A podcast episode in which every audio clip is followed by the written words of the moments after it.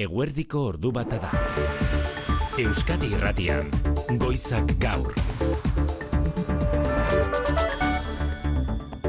Es una legislatura de alto perfil político y debemos contar con un equipo a la altura, un equipo de alto perfil político, un gobierno solvente, Arratsalde hon daizuela guztioi, politikoki indarra handia izango duen legealdiarentzat soslai politiko sendoa duen taldea aukeratu du Pedro Sánchezek gobernua osatzeko entzundu ezenez. Feliz Bolañosen figura sendotuta bide batez presidentziarako ministro ez ezik justiziaren kargu izango baita Bolaños. Lau kartera nagusitan ekonomia, barne ministerioa, atzerri ministerioa eta defentsan jarraikortasunaren alde egin du Sánchezek. Hogeita bi ministerioetatik ama amabi.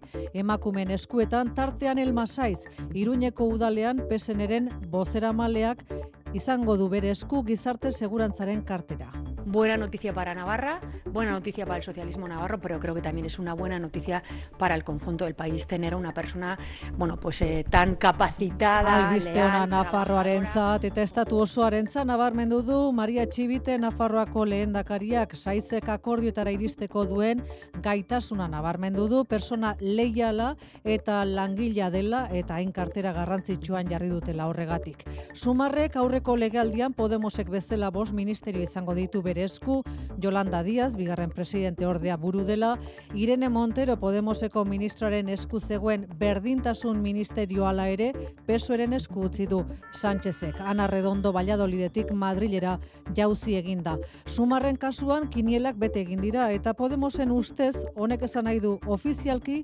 Sánchezek eta Díazek gobernutik bota dutela alderdin morea. Pablo Fernández Podemoseko bozera malea. Pedro Sánchez y Yolanda Díaz han echado a Podemos del gobierno para que el Partido Socialista esté cómodo, para que no haya nadie en el Consejo de Ministros que presione al gobierno por la izquierda. Eguneko beste lerroburuak inigo alusti zarratxaldeon. Baita zuri ere maite. EH Bilduk kontrako botoa emango dio hezkuntza lege proiektuari. Azken testuak gaur egungo hizkuntza ereduak aipatuko baititu hitzaurrean Arnaldo Otegi EH Bilduko koordinatzailea Radio Euskadi.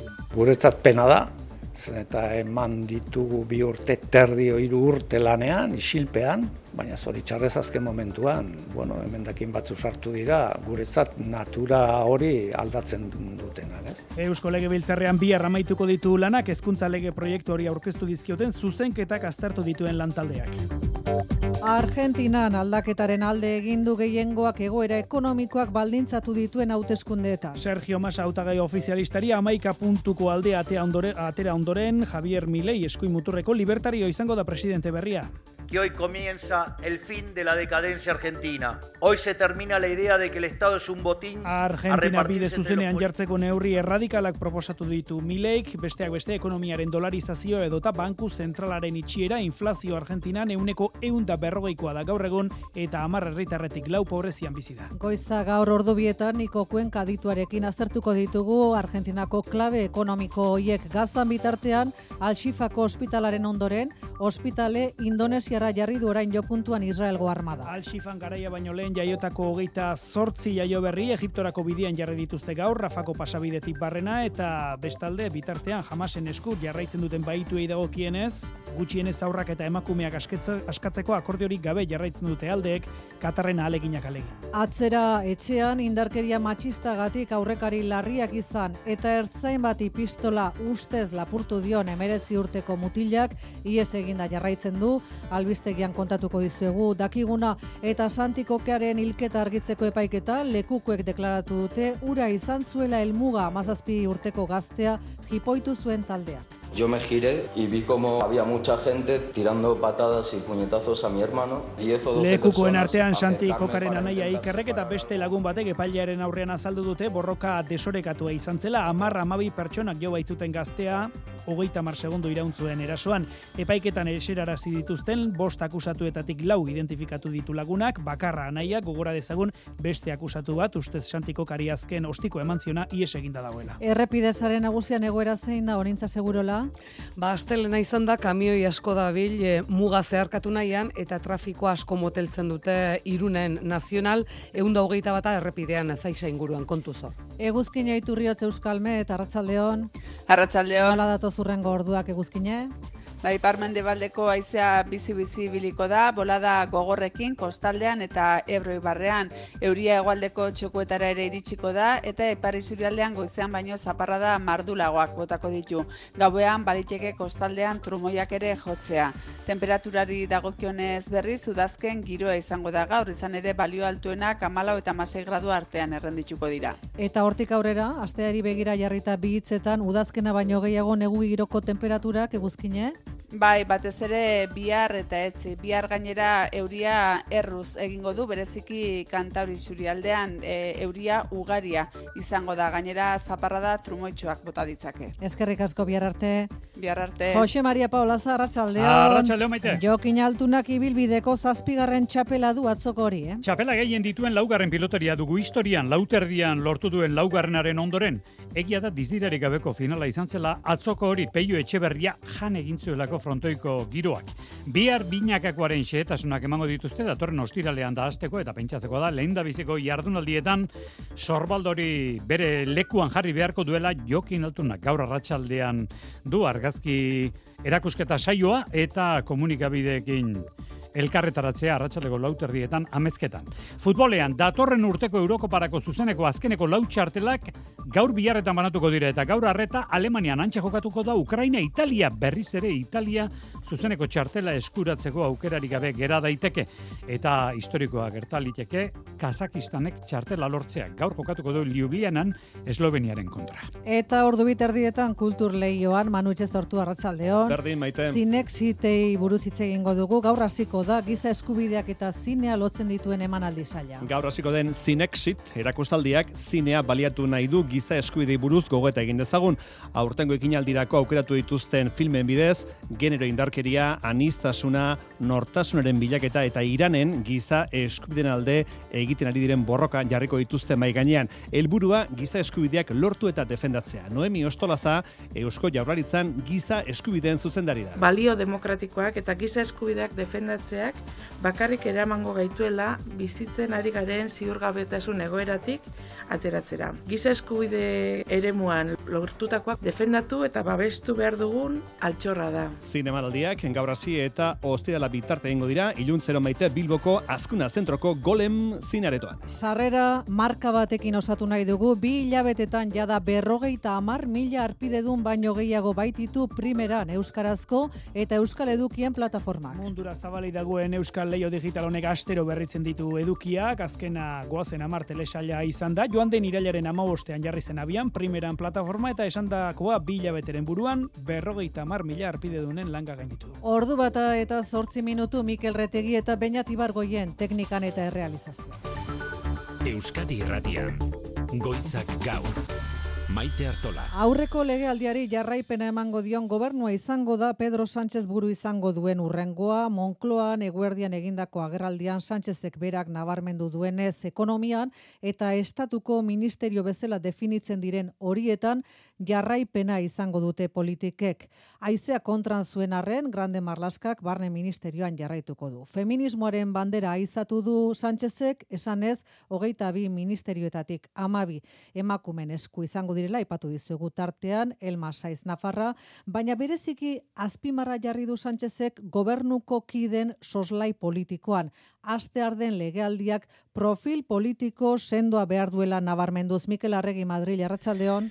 Kaixo Arratsaldeon bai Pedro Sánchezek ez ditu aldaketa gehiegi egin bere gobernuan, hogeita bi ministrotati bederatzi bakarrik dira berriak beraietako lau sumarrek Yolanda Díazez gain ministro kontseiluan izango dituenak. Testu inguruak behartuta Sánchezek dio profil politikoak aukeratu dituela datozen lau urtetarako. Un equipo de alto perfil político para una legislatura de alto perfil político. Eta bide horretan, bi dira gobernu barruan pixu politikoa irabazi dutenak. Maria Jesus Montero presidente orde gradura igoko da, hogasun ministerioa mantenduta, eta Felix Bolañosek presidentzia ministro moduen jarraituko duen bitartean, justizia ministerioa ere eskuratuko du amnistia legearen nondik norakoak zuzentzeko. Gainontzean aldaketa gutxi, Será también un gobierno continuista en el área económica y también en los ministerios llamados de Estado. Azken bosturtetan moduan, Margarita Roblesek defentsa ministroi erraituko du eta sumarren eta kongresuan bide lagun dituen taldeen gustoko ez bada ere, Fernando Grande Marlaskak barne ministro gisa bestela urte egingo ditu. Aldaketen atalean esan, orain arte pesoeren bozemaile izan den Pilar Alegria, hezkuntza ministro izango dela gobernuko bozemaile, Oscar Puente diputatu sozialistak hartuko duela garraio ministerioaren ardura, eta Elma Saiz Nafarra izango dela gizarte segurantza ministro. Pesoek, berdintasun ministro ministerioa bere gain hartu du gainera, Ana Redondo izango da Irene Monteroren lekuko hartuko duena, eta sumor, sumarri dagokionez esan, Pablo Bustindu izango dela gizarte gaietarako ministro berria, Ernest Urtasun kulturan, Monika Garzia osasun gintzan, eta Sirarrego Aurtzaro eta Gaztedia ministerio berrian. Sumarrek bost ministerio izango ditu, Jolanda Díaz presidente ordea buru duela, aurreko legealdian, Unidas Podemosek eh, izan zuen kuota bera da hori, baina ministerio bakar batean ere ez da izango alderdi morearen ordezkaririk.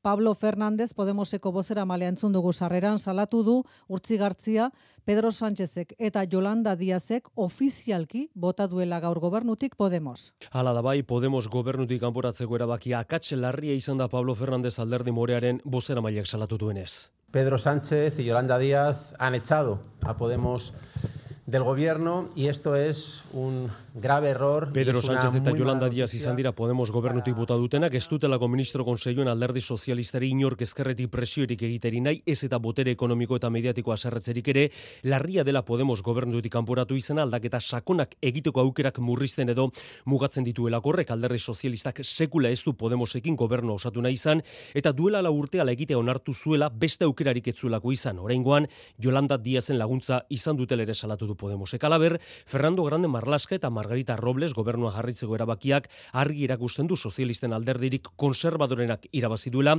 Nacho Álvarez ministro izateko sumarrek egindako eskaintzaz berriz, alderdi morearen bozeramaileak esan du Podemosek Irene Monteroren aldeko apustu egin zuela, eta beraz, eskaintzeura amarrua besterik etzela izan maniobra zakarra, ala esan du Pablo Ferrandezek sumarren talde parlamentarioan jarrituko duten ala ez galdetuta berriz, alderdiak bere autonomia indartzeko autua egin duela adierazi du, baina besterik argitu gabe maite. Euskadi Erratiko Faktorian, Sumarren eta Podemosen arteko harreman zailez galdetuta hain zuzen, Lander Martinez, Sumarreko Euskal Diputatuak logikotzat jodu Podemosek ministrorik ez izatea, asteburuan Jolanda Diazek Nacho Alvarez egindako eskaintzari, ez ezko eman ondoren guk eskaini genion e, ministeritza bat e, Nacho Alvarez entzat, e, beraiekin edo Podemos eren espazioarekin harremanak e, hobetzeko. O ez horrekin ministroa izateko aukera galdu egiten dute, logikoki.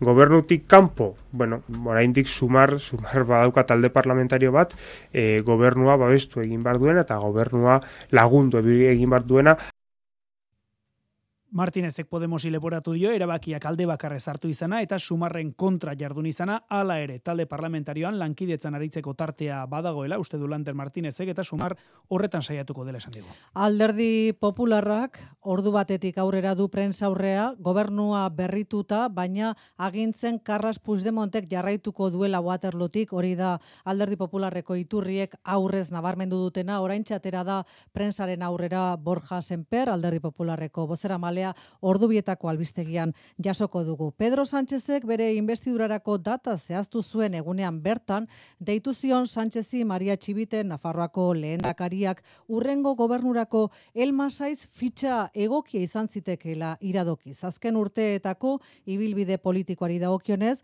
maiatzeko hauteskundeak egin bitarte Nafarroako gobernuan hazienda konseilari izan zen saiz, maiatzeko hauteskunden ostean berriz, iruñeko udalean sartu zen peseneko bozera male bezala. Aitor Perez Iruña Arratsaldeon.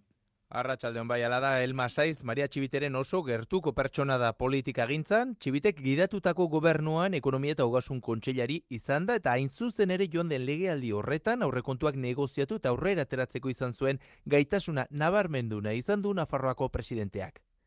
También esa necesidad de llegar a acuerdos que ha de tener también el gobierno de España y que ella supo hacerlo en Navarra. Por lo tanto, buena noticia para Navarra. Estatuan ere beharrezkoa izango duela dio txibitek izan ere erronka handiak izango baititu ministeritzan gizarte segund, segurantzari lotuta este, esaterako besteak beste EAIotarekin adostutako gizarte segurantzaren, segurantzaren transferentzia negoziatu beharko du. Nafarroako alderdi sozialistak estatu mailan duen eraginaren erakusle ere izan daiteke izan ere ez da behar Santos Zerda Nafarra Navarra pesoeren antolakuntza idazkaria dela. Elma zaiz, bi artik aurrera ministra izango da eta iruñeko udal zinegotzi izateari uko egingo dio. Azken bi udal hauteskundeetan iruñeko udalerako hautagai izan bada ere, 2000 eta emeretzien Maria Txibiteren gobernuan ekonomia eta ugasun kontseilari izateko zinegotzi kargua utzi zuen eta orengoan esan bezala Madrilera joango da. Saiz Iruñeko udaletik atera ostean Iruñeko udalean beste mugimendurik sortzen ote den arretaz ikusi beharko da izan ere EH Bilduk aurre ikusten du Kristina Ibarrola UPNeko alkateak ez duela gehiengorik izango aurrekontuak aurrera ateratzeko eta blokeo egoera hori gainditu alizateko gaur otegik dei egin dio Radio Euskadin Maria Txibite lehendakariari. Esanez ezpadu UPNren kudeak eta gustoko erraza daukala ura Iruñetik kentzea otegiren hitzetan Ibarrolaren aurkako zentsura mozioa ez dago pesoerekiko negoziazioen mailan momentuz, baina ez du baztertu etorkizunean hori erabililitekeen tresna bat izatea. Bide batez, hezkuntza legea hitz egin du otegik, hezkuntza legeak arautuko du bihar barkatu, Euskadiko hezkuntza lege berriaren eztabaida azken txanpan sartuta dagoenean, EH Bilduk ezezko botoa emango diola iragarri du otegik, azken unean legearen hitzaurrean hizkuntza ereduak agertu izanak urrundu egin baitu akordiotik koalizioa bertzalea. Bihar elkartuko da, lege biltzarrean ezkuntza lantaldea, lege berriaren azken testua isteko asunerozen arratsaldeon. Arratsaldeon bai horretarako biharkoa izango da bai azken bilera legebiltzarrean eta bertan eztabaidatuko dituzte legearen azken xedapenak eta hitzaurrea bera.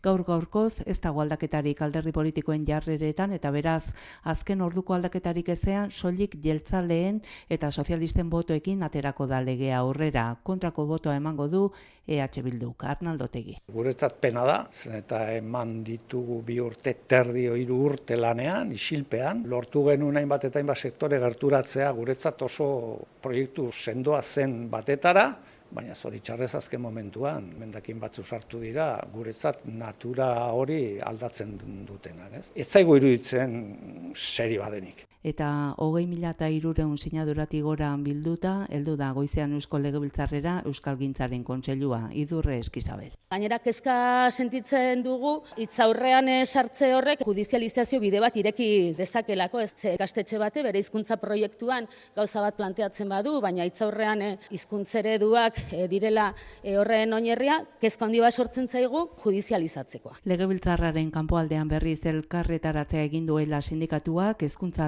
lege berriari alderdi politikoek ezezkoa ematea eskatuz.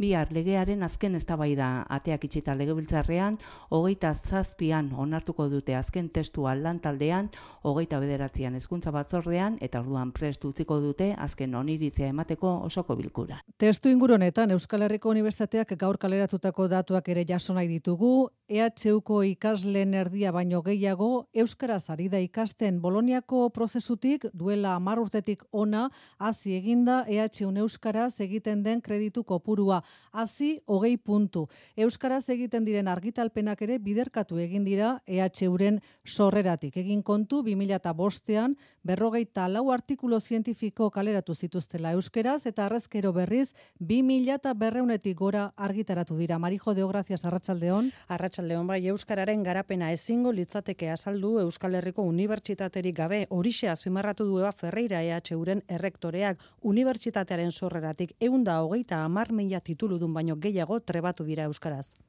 Eta ekarpen hori etengabea da. Eta gero eta endiagoa gainera, efektu biderkatzailea baitu. Euskal Unibertsitate Publikoaren ekarpenik gabe, azken amarkadetan Euskarak izan duen bilakaera positibo hori ez litzateke ulergarria izango. Unibertsitate kredituen euneko laurogeita ama bost euskaraz egiten da gaur egun, azken amarkadan euneko ama bostigo da kopurua, eta ikasturte honetan esaterako ikasleen euneko berrogeita ama lauari da euskaraz ikasten Euskal Herriko Unibertsitatean. Horren arira Euskara Kultura eta Nazioarteko errektore Junkal Gutierrezek azpimarratu du kontuan izateko zenbakiak direla, are ikasle gehienen kasuan Euskara bigarren hezkuntza baita, eta horregatik ere, are garrantzi handiago hartzen du esaterako, master amaierako lana Euskaraz egitea erabakitzen duten ikasleen eunekoa euskaraz matrikulatutako ikasleena baino altuagoa izatea. Bestalde irakasle ikartzaileen amarretik sei elebidunak dira eta langile elebidunen kopurua ere hasi da azken hamarkadan euneko hogeita bederatzetik berrogeta laura. Goizak gaur. Ordu bata eta ia hogei dira, barakaldo inguruan indarkeria matxistagatik aurrekari larriak izan eta ertzain baten etxetik ustez pistola lapurtu zuen emeretzi urteko mutilaren bila jarraitzen du ertzantzak. Horrekin batera, gazteren bikotekide hoiari zaintza berezia jarri diote, emakumea indarkeria matxistaren biktima izan den neurrian zurin etxe barriak du azken ordua arratsaldeon zurine. Arratsaldeon ba ordu honetan ies eginda segitzen du emeretzi urteko gaztea taldeak goizean goizetik berrekin die ertzaintzak bilaketa lanei eta eremua ere zabaldu egin du. Atzo barakaldo inguruetan eta zubileta kale inguruetan bila aritu ziren baina dispositiboak ez du oraindik fruiturik eman. Zubileta kalean gogoratu azaldu zela ostutako ertzainaren bizkar zorroa baina barruan etzegoela pistolarik. Larun bat azgerostik ari dira ustezko lapurraren bila. Egun horretan ustez barakaldon ertzain baten etxean sartu eta agenteak zeukan arma partikularra lapurtu zuen. Segurtasun saiak bai estatu duenez, ustezko lapurrak aurrekari larriak ditu indarkeria matxistagatik eta bikotekide oiari zaintza berezia jarri diote emakumea indarkeria matxizaren biktima den neurrian. Esan bezala, ostutako pistola partikularra zen, argitzeke dagoena da araudian ezarrita dauden baldintzetan gordeta ote zegoen, norberaren etxean arma bat izateko, besteak beste, kiltzapean gorde behar da eta munizioa beste toki batean utzi behar da. Genero indarkeriaren inguruko datuak eskaini ditu bestalde segurtasun sailak goizak gaur. Euskadin aurten irailera bitarte euneko zei gehitu dira genero indarkeriari lotutako salaketak iazko garai berarekin alderatuta. Aldatzen ezten datu bat badago salaketa kopuru handiena bikotekide edo bikotekide hoiek erakindako indarkeria kasuak dira. Testu ingurunetan Euskal Herriko mugimendu feministak erakundei esigitu die dagokien ardura hartu eta gai hau agendaren erdibu erdigunean jar dezatela urtzi gartzia. Gizonei praktika matxistak albo batera utzi eta indarkeria matxista albidetzen duten sistemaren konpliz izatera utzi diezaiotela esegitu di Euskal Herriko mugimendu feministak. Erakundei berriz, dagokin ardura bere gain dezatela. Maia zubieta eleduna. Nazkatuta gaude, feminismoetatik proposatzen ditugun aldarri ezberdinak hartu eta hoiekin egiten duzuen zuriketa morearekin gure diskurtsoaz jabetu hitz politekin jarri, azaleko proposamenak egin eta ezertarako balioz duten argazki instituzionalak atera. Azaroaren hogeita bostean, indarkeria matxistaren aurkako nazioarteko egunaren arira egindako adierazpenak, bain zuzen jaurraritzaren segurtasun sailak kaleratutako datuen arabera, araba bizkei eta gipuzkoan bataz beste uneko seiko mabi eginduteko urten indarkeria matxistagatiko, salaketek urtarri eta iraia bitartean ertzaintzak emakumen kontrako indarkeriari lotutako laun mila sortziron derurogita emeretzi salaketa jaso ditu. Segurtasun sailaren arabera, sexu erasolarriek nabarmen egindutekora, larogita bederatzi kasu aurten irurogita bizan ziren iazko epebrean, ertzaintzak une honetan, bos mila zeirunda amasei emakume babesten ditu nolabait, hogeita emeretzik dute bizkarzeina, datu esanguratsua, berronda hogeita zei emakumek dutela babeserako bortxa deituriko aplikazio elektronikoa instalatuta, eta itzitik, larogita amairu direla epailiaren aginduz, kontrol telematikoa duten gizonezkoak. Bestalde, Gipuzkoako lurralde auzitegian gaur abiatu da, 2008an kalean jipoia jasota hiltzen santikoka amazazpi urteko gaztearen epaiketa, sei akusatuetatik bost bertan zirela. Hilketaren egunean, biktimarekin batera zegoen ikerranaiak lekuko gisa deklaratu du, borroka erabat izan zela desorekatua, eta sei akusatuetako bat identifikatu du erasotzaile zuzen gisa. Inara hortiz lankideak jarraitu du epaiketa. Goizaldeko bosta kaldera akusatuetako batek lekukoaren lagun bati aurrez lapurtutako tabako pakete batengatik kontuak eske joan zitzaizkion ikerkoka eta bilagun. Bertan zen Santi Anaia gazteagoa ere, guztiak gu diskoteka atarian. Oso azkar, segundu gutxitako epean lertu zen borroka ikerren esanetan. Yo me giré y vi como había mucha gente tirando patadas y puñetazos a mi hermano, 10 o 12 personas, acercarme para intentar separar a alguno y notar un golpe y yo caer al suelo. Bigarren lekukoak ere Santikokaren aurka indarkeria bortitza erabiltzen ikusi zituen erasotzaileak. Le pegan patadas, puñetazos, sobre todo patadas, eh, sobre todo en el tronco para arriba y en la cabeza también. Urduri malkoei eutxi ezin da pasarte batzuetan ikerkokak adierazi du xok egoera ostean gertatutakoa bere memoriatik desagertarazten saiatu izan zela eta arreta psikologikoa behar izan duela lau urte hauetan. Erasotzaile zuzen gisa identifikatu du sei akusatuetako bat. Bigarren lekukoak berriz, aretoan ziren lau lagun erlazionatu ditu gertakariarekin. Akusazio partikularrak hilketa leporatuta, hogei urteko kartzela zigorra eskatzen du sei akusatuentzat, horietako bat, iaztik desagertuta dagoena. Gaur egunean zehar akusazio partikulararen beste bospasai lekuko deituko dituzte, guztiak gertakari gauean koka anaiekin batera zeudenak, bihar ikerketan aritu diren ertzainak pasako dira deklaratzera eta etzi Fatima Jazine biktimaren amaren lekukotza izango da entzungai Gipuzkoako lurralde auzitegian. Ordu bata eta hogeita bost, Argentinara jauzi egin aurretik apunte bat, Araba, Bizkaia eta Gipuzkoako ambulantzietako langileek hiru eguneko greba hasi baitute gaur. Guztira mila eta zortzieun langile dira sektorean, eta besteak beste eskatzen dutena da lanbaldintzako sakidetzako langile langileen baldintzekin parekatzea, erosa almenari eustea eta itundutakoa betetze, bete dezatela. Urrian beste hiru egun egin zituzten greban, azaroan esan bezala hiru egingo dituzte eta datorren abendurako beste hiru egun, beste hiru egun deitu dituzte. Argentinan aldaketaren aldeko botoa eman du herritarren gehiengo zabalak egoera ekonomikoak erabat baldintzatutako hauteskunde presidenzialetan amaika puntuko aldearekin gailendu da Javier Milei eskuimuturreko hautagai libertarioa eta herrialdea bide zuzenera eramateko gobernu programa erradikala jarri nahi du martxan. Esate baterako ekonomiaren dolarizazioa edota banku zentrala istea besteak beste. Buenos Airesen arantxi padilla eite beren bidali berezi arratsaldeon Arratxaldeon, Javier Milei ultra eskuindarra botoen euneko berrogoita mabustarekin, Argentinako presidente izango da datozen lau urtetan, aro berri eta ez ezagun bati hasiera emanez. Bere garaipena lortzeko ezinbestekoak izan dira hainbat faktore, besteak beste eskuin tradizionalaren babesa eta herrialdeak bizi duen krisi ekonomikoa. Inflazioa euneko eunda berrogoita bi eta pobrezia euneko berrogei duen ekonomia ministroa aurkarizateak egoak eman dizkio Mileiri. Argentinarrak osonekatuta daude herrialdea sontzitzen duten krisiekin eta mileiren garaipenarekin erakutsi dute jauzi batekin eta zerotik hasteko pres daudela. Masa bere kudeaketatik aldentzen saiatu zen baina ez da nahikoa izan. Mileiren promesak gazteenak liluratu ditu eta adin horretan lortu ditu boto gehien. Bestalde, Maurizio Macri presidente hoi liberalak ultraeskuinaren aldeko botoa eskatzea funtsezkoa izan da mileirentzat. Bere aserrealdiak eta egitura politikorik ezak hautesleen sektore moderatuak izutzen zituzten eta Macriren laguntzan egonkortasunaren bermea aurkitu dute. Macrik ultrak falta zuen berniz demokratikoa eman dio Mileiri.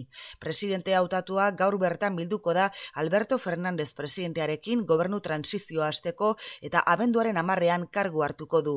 Mire, Milei zorion zen lehenengoak Donald Trump eta Jair Bolsonaro, estatu batuetako eta Brasilgo presidente hoiak, baita Jose Maria Aznar, Espainiako presidente hoia ere, edota Santiago Abascal, boxeko buruzagia. Otzago agertu da Lula da Silva, Brasilgo presidentea, ez du bere mezuan Mileiren izena aipatu, baina Argentinarrak zorion du ditu hauteskundeak modu baketsuan egin dituztelako. Kampaina honetan Txinaren eta Errusiaren aurka, hitz egin du Milei Argentinarrak, baina Pekinen erreakzioa bestelakoa izan da, bi herri aldeen arteko harreman ekonomikoa indar hartzea espero duela esan du Txinak, Errusiak berriz emaitza errespetatzen duela esan du. Europar batasunak harreman honei eustea espero du, baina Alemaniaren iritziz mileiren garaipenak zaildu egingo ditu Bruselaren eta Merkosurreko blokearen arteko harremanak.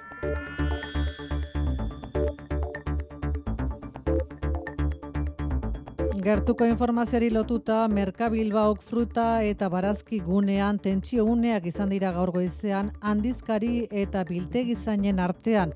Azken hauen bigarren greba eguna izan da. Ela sindikatuak deituta erosa almena bermatuko dien lan hitzarmen duina duina eskatzen dute janire geren abarrena. Bai, ela sindikatuaren arabera jarraipen zabala izan du gaur Merkabilbaoko fruta eta barazki guneko biltegi zainen grebak eta zenbait dendari txiki karasoak izan dituzte generoa eros erosteko horrek tentsio uneak sortu ditu goizeko lehen orduan enpresari eta biltegi zainen artean. Boste hundira guztira grebara deitutako langileak eta lan hitzarmen duina aldarrikatzen dute. Ez dituzte inola ere onartuko patronalak proposatutako KPIaren oso azpitik dauden soldata igoerak Jonan Derzelaia elako ordezkaria. Kontuten eukin die majoristak saiatu diela greba bertan bera guzten negoziazio individualen mon bidez, en jarraipen nahiko zabala eukin dau, enpresa askotan. Guez gauz prez, desde luego, IPC absorbible bat sinatzeko, holan izango balitz esalako igoera reala izango. Eh? Leku batetik igoten dutzuena, beste leku batetik eh, kenduko leukie Patronalari fedetxarrez jokatzen aritzea eta proposamen atzerakoiak egitea leporatu dioela sindikatuak jarrera aldaketarik eman ezean aurrera begira estu bastertzen greba egun gehiago deitzea. Eta Bizkaiko batzar nagusietan Urdaibaiko Guggenheim Museo eraiki alizateko beharrezko irigintza tramiteak gauzatzen ari dela berretsi du gaur Imanol Pradales azpiegitura diputatua. Elkarrekin taldeak egindako galdairei erantzunez, Pradalesek adierazi du ekainean forua murueta eta Garnikako udalekin akordio akordioa sinatu zuela aldundiak ordaibaiko plan berezia idazteko eta une honetan kutsatutako industria lurrak garbitzeko eta erabilerak aldatzeko lanean ari direla. Erakunde publiko desberdinekin hogeita amasei bilera tekniko izan ondoren, herritarren partea hartzea ere sustatuko duela, bai estatu du pradales diputatuak, eta beraz egitasmoaren aurka azaldu diren eragileak orduan izango lukete eragile horiek alegazioak aurkezteko aukera. Ordu bata terdiak jo berriak.